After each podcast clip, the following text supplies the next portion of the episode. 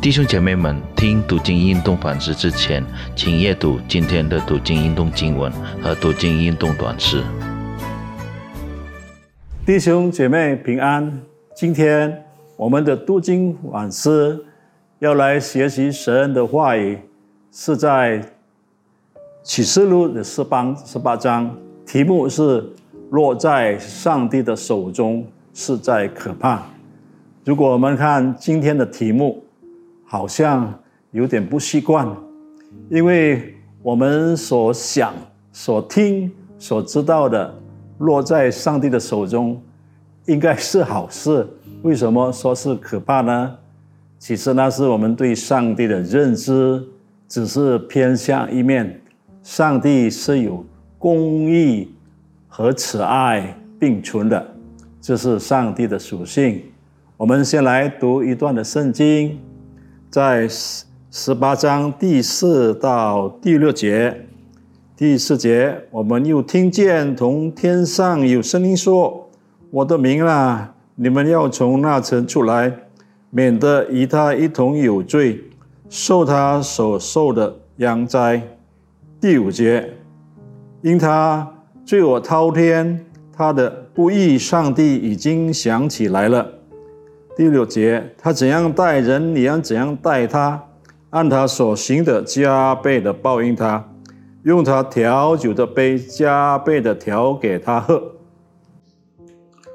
我们一起祷告，亲爱的主，我们带着感恩的心来到你的面前，回想这一年来你的恩手带领，从岁首到年终，每时每刻你的保守看顾，我们献上感恩，感谢你今天仍给我们有机会。来学习您宝贵的话语，感谢你的怜悯，每一天靠着你的恩典而活，靠你加添的力量来面对未来，奉靠主的圣名，感谢祷告，阿门。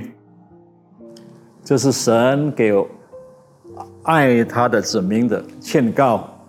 我们知道，现在在这个地上有很多国家，他们的经济实力。他们的政治实力、他们的文化、他们的科技非常强大。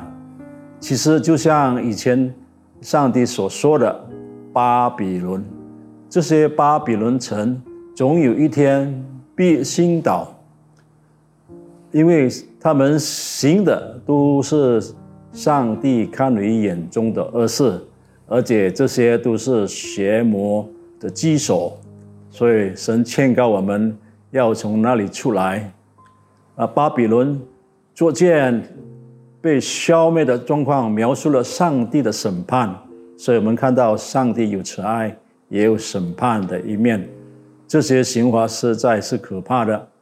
装饰这些城市的财富、经济、政治、文化，嫉妒的奢华将要被销毁、被烧。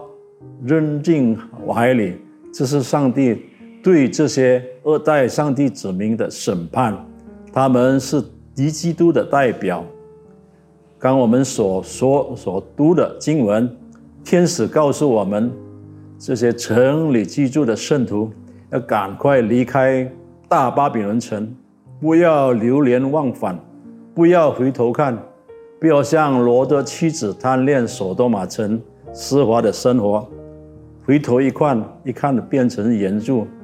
世界的一切将过去，唯有神的国度永远长存。这不是叫我们离开现在我们所住的城市。我们不但呃不，有的是住在雅加达，可能有的在新加坡，有的在美国，有的在澳澳洲。不是叫我们现在就离开，而是要。离开这些罪恶，让我们进入上帝爱你的国度，成为上帝儿女信靠的，就是我们的基督耶稣。因为地上的罪恶已经滔天，巴比伦的不公义，神已经知道，已经想起来了，总有一天要把他们毁灭。巴比伦怎样待人，神要怎样待他。按他所行的加倍的报应他，不但要报应他，而且要加倍的。上帝毁灭这一切的虚荣的自我、自恋、没有神的文明，所以我们要小心，不要做一个人格分裂的基督徒啊！在教会像圣徒一样，在生活中行事为人，就是巴比伦这个系统里面的一份子。不择手段达到目的，这也不是叫我们不要工作啊，不要做生意，不要从事我们的专业职能。我们是医生的，我们是工程师的，我们是电脑设计师，还是要从事神给我们智慧所带来的才能。这是神给我们的恩赐，而是而是不要把巴比伦的思想所迷惑。嫉妒的贪恋金钱、权势，甚至被他们俘虏。有句古话说：“君子爱财，取之有道。”就是我们不要贪恋钱财，钱财对我们很重要，可是我们要取之有道，不要做违背主所不喜悦的事。让圣灵在我们心里不断的提醒。上帝不喜的事，我们不做。每天与主同行，直到见主的面。那么总结今天的读经反思有以下三点：第一，报应是上帝的权利，不是人的权利；第二呢，上帝必审判在压迫他子民的巴比伦，终有一天这些要被毁灭；第三。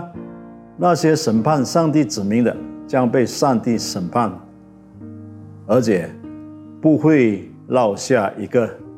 我们祷告，主啊，看到你对巴比伦公义而可怕的审判，我们要好好反省。